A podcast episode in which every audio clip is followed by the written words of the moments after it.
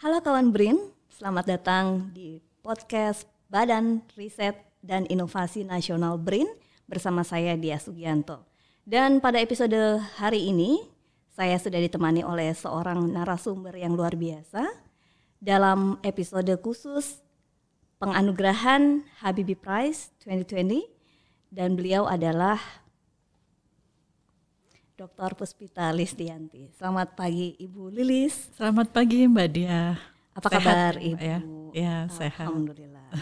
ya, ini hari ini kita akan uh, berbincang tentang uh, penerima anugerah Habibie Prize tahun 2020 ya, tahun lalu ya Ibu ya, Betul, karena betul. sebentar lagi kita akan uh, melangsungkan perhelatan yang di tahun 2021 ini. Iya. Dan dalam episode kali ini seperti yang tadi saya sampaikan telah hadir Ibu Dr. Puspita Lisdianti, Magister Agriculture Chemical. Begitu ya Bu ya? Ya, Takut salah bacanya. Penerima Habibie Prize 2020 di bidang ilmu bioteknologi. Beliau akan berbagi cerita seputar pengalaman mengikuti ajang penghargaan yang dicetuskan oleh Bapak Teknologi Indonesia, Bapak B.J. Habibie. Baik, sebagai sedikit pengantar, Ibu Puspita atau Bu Lilis ya, kita biasa akrab menyapa, adalah peneliti senior di Pusat Riset Bioteknologi Badan Riset dan Inovasi Nasional BRIN. Beliau juga aktif sebagai pengurus di Perhimpunan Mikrobiologi Indonesia, juga di Konsorsium Bioteknologi Indonesia, JSPS, Association Alumni Indonesia, Indonesian Society of Lactic Acid Bacteria, dan Asian Federation of Biotechnology. Seperti yang tertera dalam profilnya yang udah saya intip-intip dari kemarin ya. Beliau dikenal sebagai pakar mikrobiologi, wow, yang memperkaya hasanah ilmu pengetahuan tentang keanekaragaman hayati asal Indonesia yang dapat dimanfaatkan melalui penapisan dan studi genomik. Ini penapisan kata baru nih buat saya nih Bu. Saat ini Pusat Koleksi Mikroorganisme Indonesia atau Indonesian Culture Collection disebut juga INACC, bacanya INACC benar ya Bu ya. Yang dirintis oleh Ibu Lilis ini dan teman-teman telah diakui oleh World Federation of Culture Collection dan menyimpan seluruh mikroba yang telah teridentifikasi dan siap diaplikasikan masyarakat untuk industri, lingkungan, riset dasar dan biomedis. Luar biasa ternyata eh, mikroba ini ya Bu ya. Betul.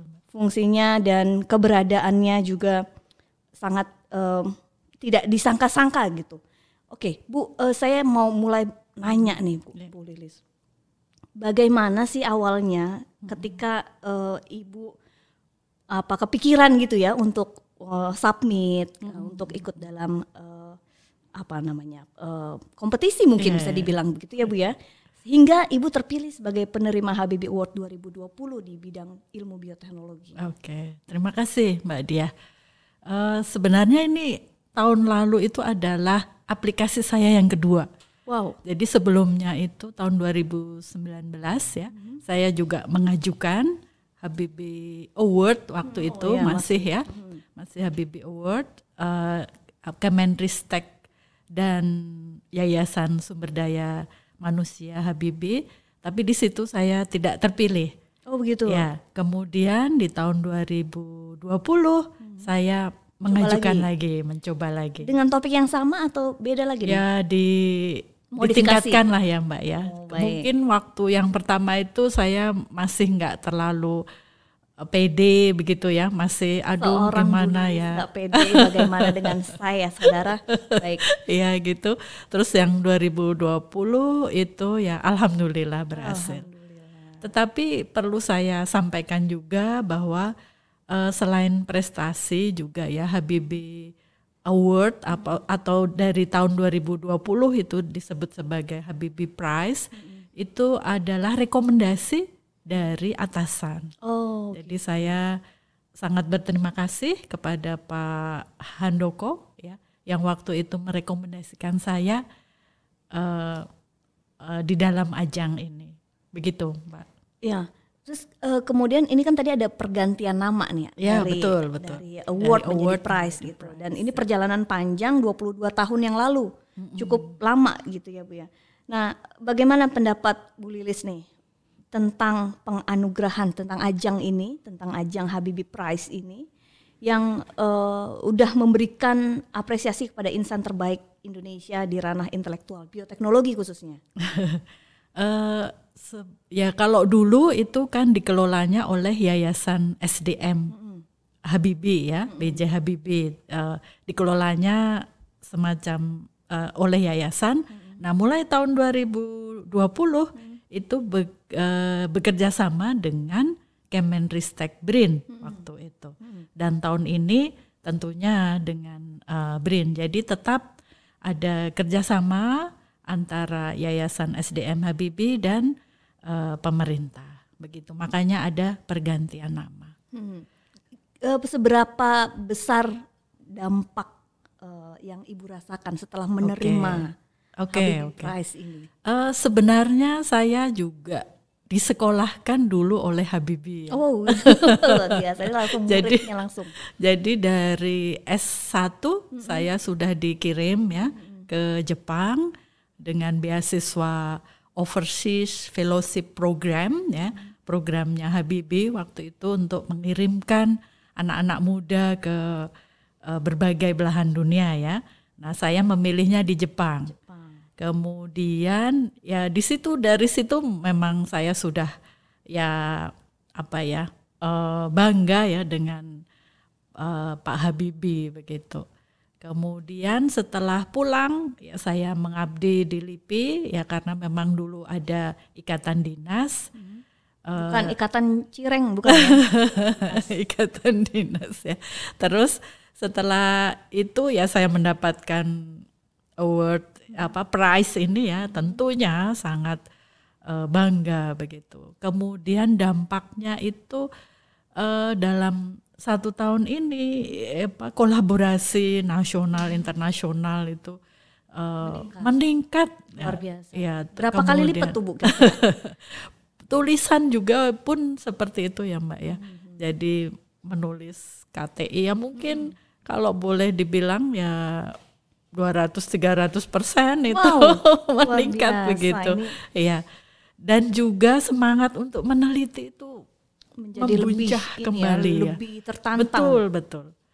Saya kemarin sempat menjadi struktural ya, uh, tapi sekarang uh, menjadi peneliti itu ya, apa lebih lebih ya tertantang lagi. Ada sesuatu yang uh, ingin betul apa? diselesaikan ide, ya begitu, diselesaikan ya. kemudian juga ada ide-ide segar yang betul. oh iya kemarin harusnya saya meneliti betul ini, betul campur betul. ini campur ini betul. wow ini menarik saya yeah. jadi apa ikut apa bersemangat nih nah bu kalau uh, kita lihat perkembangan riset mikroorganisme di Indonesia saat ini kalau tadi kan sudah disebutkan ada sejumlah mikroba yang teridentifikasi hmm. kemudian juga siap diaplikasikan itu mungkin seperti apa sih bu perkembangannya ini penelitian dan pengembangan di mikro baik, baik. biologi. Uh, sebenarnya kalau dibandingkan ya dengan flora fauna hmm. uh, mikro mikroba ini tuh tertinggal jauh ya. Kita hmm. baru apa bisa mengidentifikasi dengan benar hmm. itu setelah tahun 1980. Wow. Ya, jadi memang sangat ketinggalan kalau flora fauna itu zamannya ada kebun raya itu kan sudah sudah banyak apa uh, visitor asing ya yang ke kebun raya Bogor. Nah, mikroba itu memang tinggalan jauh. Kita harus menggunakan teknik-teknik biologi molekuler. Mm-hmm. Tanpa teknik yang terkini itu ya susah meng, mengungkap potensi mikro mikroorganisme hmm. begitu. Yang sudah sampai tahap aplikasi atau diimplementasikan betul, betul. itu ada berapa jenis mikroba atau mungkin atau mungkin lebih banyak di yang apa ya bidang atau betul um, betul uh, pangan jadi, misalnya atau betul, betul. obat-obatan ya, ya betul gitu. jadi untuk mengungkap kekayaan alam mikroba Indonesia harus dekat sekali dengan pemanfaatan hmm. tanpa apa tanpa ada pemanfaatan itu ya uh, ya meaningless lah ya Mbak ya. Gak sampai ke hilir gitu ya Betul, Bu ya? harus sampai ke hilir. Jadi kalau dari riset saya, saya mengungkap mikroba itu potensinya untuk menghasilkan uh, antibiotik ya, uh, tadi kan disebutkan penapisan, Penapisan. atau screening itu artinya adalah screening kan dari apa uh, ribuan mikroba itu harus dicari potensinya itu seperti apa Nyari satu-satu bu dari ribuan itu. ya ya sekali mencari itu uh, kadang se- 100 begitu Mbak. Oh, sekali Minimal jalan ya. tuh ya. Oh, sekali jalan oke. tuh 100 dapatnya satu itu kalau beruntung Kalau beruntung. Eh, tapi kadang juga saya mencari 500 baru dapat satu Ketika mencari dan belum beruntung itu ada eh, mungkin ada notification maaf Anda belum beruntung. iya betul Pak. Kalau eh, kita lihat nih Bu eh, strategi nih kita butuh strategi kan tadi kan Betul, pengembangan betul, betul. kolaborasi gitu kan Betul, untuk bisa betul. dari hulu sampai ke hilir Betul, karena memang betul. kalau eh, tadi dari cerita Ibu riset yang dilakukan untuk eh, mikroba Iya. mikrobiologi ini kan eh, dasar ya Bu ya Betul, artinya betul. bonggolnya nih Iya. gitu kan nah untuk sampai bisa ke eh, hilir gitu. Apa sih yang harus dilakukan oleh para peneliti bioteknologi atau mikrobiologi ini eh, hingga eh, apa sukses lah ya berperan aktif dalam kolaborasi tersebut? Apa saja yang harus Oke, dilakukan? Memang harus targeted ya. Zaman sekarang harus targeted. Kita nggak bisa hanya mau screening terus gitu ya, seribu, sepuluh ribu, tapi nggak dapat apa-apa. Itu kan eh, artinya nggak nggak berkembang gitu. Nah dengan teknologi terkini, misalnya eh, genome sequencing gitu ya. Jadi di apa mikroba Indonesia itu ayo segera nih ini zamannya ya revolusi industri 4.0 nantinya ada apa sintetik gene gen-gen itu akan dibuat artifisial nah tapi sebelum membuat artifisial itu kita harus memetakan gennya. Gen mana sih yang menarik? Gen mana sih yang membuat kulit misalnya ya atau membuat obat atau membuat dan kan dari yang mungkin yang ditunggu-tunggu oleh pasar Betul. Nah, itulah yang harus dicari targeted. Itu makanya ke depannya adalah apa eh, genom itu sangat sangat perlu dilakukan oleh peneliti Indonesia yang apa yang memiliki ya kekayaan alam yang melimpah ini. Nah, tantangannya apa, Bu? Ketika kan tadi ada ribuan itu tadi ya. Apakah eh, menyisir satu-satunya itu juga menjadi satu tantangan tersendiri ataukah mungkin lobby negosiasinya dengan pihak-pihak eh, Betul, di, betul, betul. Ya. di sisi hilir gitu? Ya betul. Eh, jadi kalau justru ya yang sekarang ini itu banyak eh, pihak luar yang ingin berkolaborasi, ya untuk mencari mikroba Indonesia begitu ya. Nah itu juga kalau menurut saya tantangan karena kita juga harus mempunyai wawasan yang luas ya. Sebenarnya maksud mereka itu untuk apa sih men- mencari itu? Ya. Ya. begitu. rencana riset selanjutnya Bu kalau udah tahu nih tantangannya kemudian memetakan ya, jenis mikroba itu tadi apa sih rencana riset selanjutnya yang akan dilakukan oleh Bu Lilis dan tim ini untuk menyikapi peningkatan pemanfaatan mikroorganisme dan biodiversitas di Indonesia Oke, tantangannya ya tentunya negara Indonesia itu adalah kaya sumber hayati. Tapi kita itu tertinggal di dalam teknologi untuk memanfaatkan sumber hayati tersebut. Itu adalah tantangan terbesar. Ada buku ya Mbak ya, eh, yang saya juga sangat menginspirasi adalah Belenggu Ilmuwan Indonesia. Mengapa tidak ada ilmuwan Indonesia yang meraih Nobel padahal keanekaragaman hayati itu luar biasa. Itu Coming sebenarnya soon, ada. Ibu Dr. Puspita Lisdianti. Oke, terima kasih. Amin. Amin ya robbal alamin. Bu, emang dari kecil itu emang seneng sama eh, mikroba atau Iya. bisa jadi Betul, pakar betul, begini betul. gimana tuh ceritanya? Em, mungkin saya sangat terpengaruh oleh ayah saya ya. Hmm. Ayah saya itu ya apa eh, dosen UGM ya, profesor di farmasi Oh, UGM. farmasi. Ya. Kemudian tahun 1980 pada saat apa eh, saya SMA ya pas pas begitu beliau itu mendapatkan tugas untuk mengembangkan bioteknologi di Indonesia ya, bersama-sama dengan ya pakar-pakar ya bioteknologi keliling dunia untuk mempelajari ya bioteknologi. Pada saat itu memang mm-hmm. sedang top. Itu mungkin pengaruh pengaruh besar Sempat diajak dari ini enggak Bu sama bapak dan oh, ibu oh, ayah tentunya. Dulu. Wow, dua-duanya lagi ya bapak dan ibu. diajak sama orang tua enggak untuk uh, meneliti itu gitu atau diperkenalkannya uh, seperti apa itu? Menurut kalau mikro banyak itu saya sendiri yang oh, tertarik. Gitu.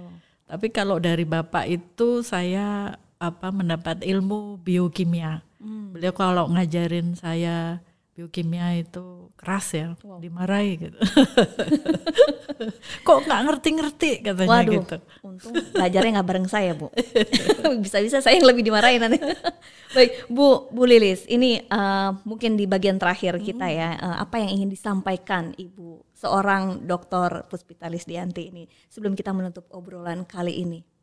Uh, terima kasih jadi uh, apa Habibie Prize itu adalah ajang yang bisa diikuti oleh semua peneliti, insan peneliti di Indonesia. Uh, mari tingkatkan prestasi ya. Mungkin banyak menulis, banyak berkolaborasi, banyak meneliti apa keanekaragaman hayati mungkin ya itu salah satunya uh, cara ya hmm. Ah, salah satunya cara untuk meningkatkan kapasitas penelitian di Indonesia. Khususnya bidang bioteknologi. Bidang bioteknologi dan juga sekarang multidisiplin sih Mbak. Jadi biotek sendiri juga harus belajar bioinformatika. Itu juga sangat penting ya. Tadi juga kalau sudah gen sintetik ya kita harus belajar artificial intelligence. Ya, tuntutan zaman, perkembangan zaman. Baik, terima kasih Ibu Lilis, Ibu terima Dokter Puspitalis Dianti. Demikian akhir dari obrolan dengan Dokter Puspitalis Dianti, Magister Agriculture Chemical. Penerima Habibie Prize 2020, bidang ilmu bioteknologi. Dan semoga diskusi ini dapat bermanfaat dan sampai jumpa pada episode selanjutnya. Salam eksplorasi sains tanpa batas.